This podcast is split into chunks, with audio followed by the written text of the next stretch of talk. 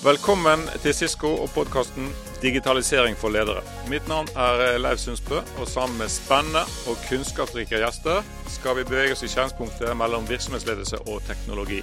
Alle snakker om digitalisering. Ikke like mange forstår hva det egentlig handler om, og hvorfor det er så viktig, og ikke minst hvordan man lykkes. Det jeg selv personlig har erfart, er at jeg lærer veldig mye av podkaster. Fordi det er korte lydsnutter som det, det, jeg har det rett på øret. gjøre Og jeg kan, jeg kan høre på det når jeg ikke trenger å tenke så mye på hva ellers jeg skal gjøre.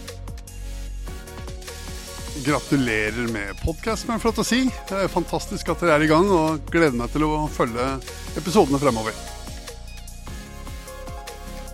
Tenk hvis man hadde putta alle ressursene som har gått inn i å bygge DAB-nettet og skifte ut fra FM til DAB-radio rundt omkring, inn i å bygge og styrke mobilnettene og 5G-nettene og kunne bruke de til, til kringkasting, altså multicast, istedenfor å begynne på noe som kan være litt usikkert, for vi er ikke så sikre på at vi egentlig vil eller tør eller skjønner eller hva det måtte være. For å ta det trusselbildet som, eh, som NSM, eh, Etterretningstjenesten eh, og PST la fram i februar i år, så er det et veldig tydelig bilde hvor de sier at den største trusselen mot Norge som nasjon er cybertrusler. Alt fra styrerommet til ledere til eh, ansatte til IT-avdelingen, så ser man nå muligheter som man ønsker å gripe.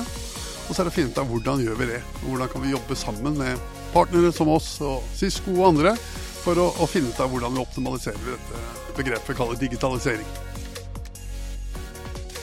Jeg tenker det skal bli sånn som vi eh, faktisk snakket om for noen år siden, at vi ønsket det skulle bli.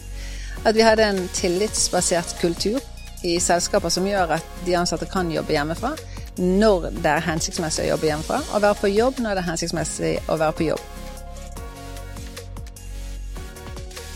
Vi er straks tilbake.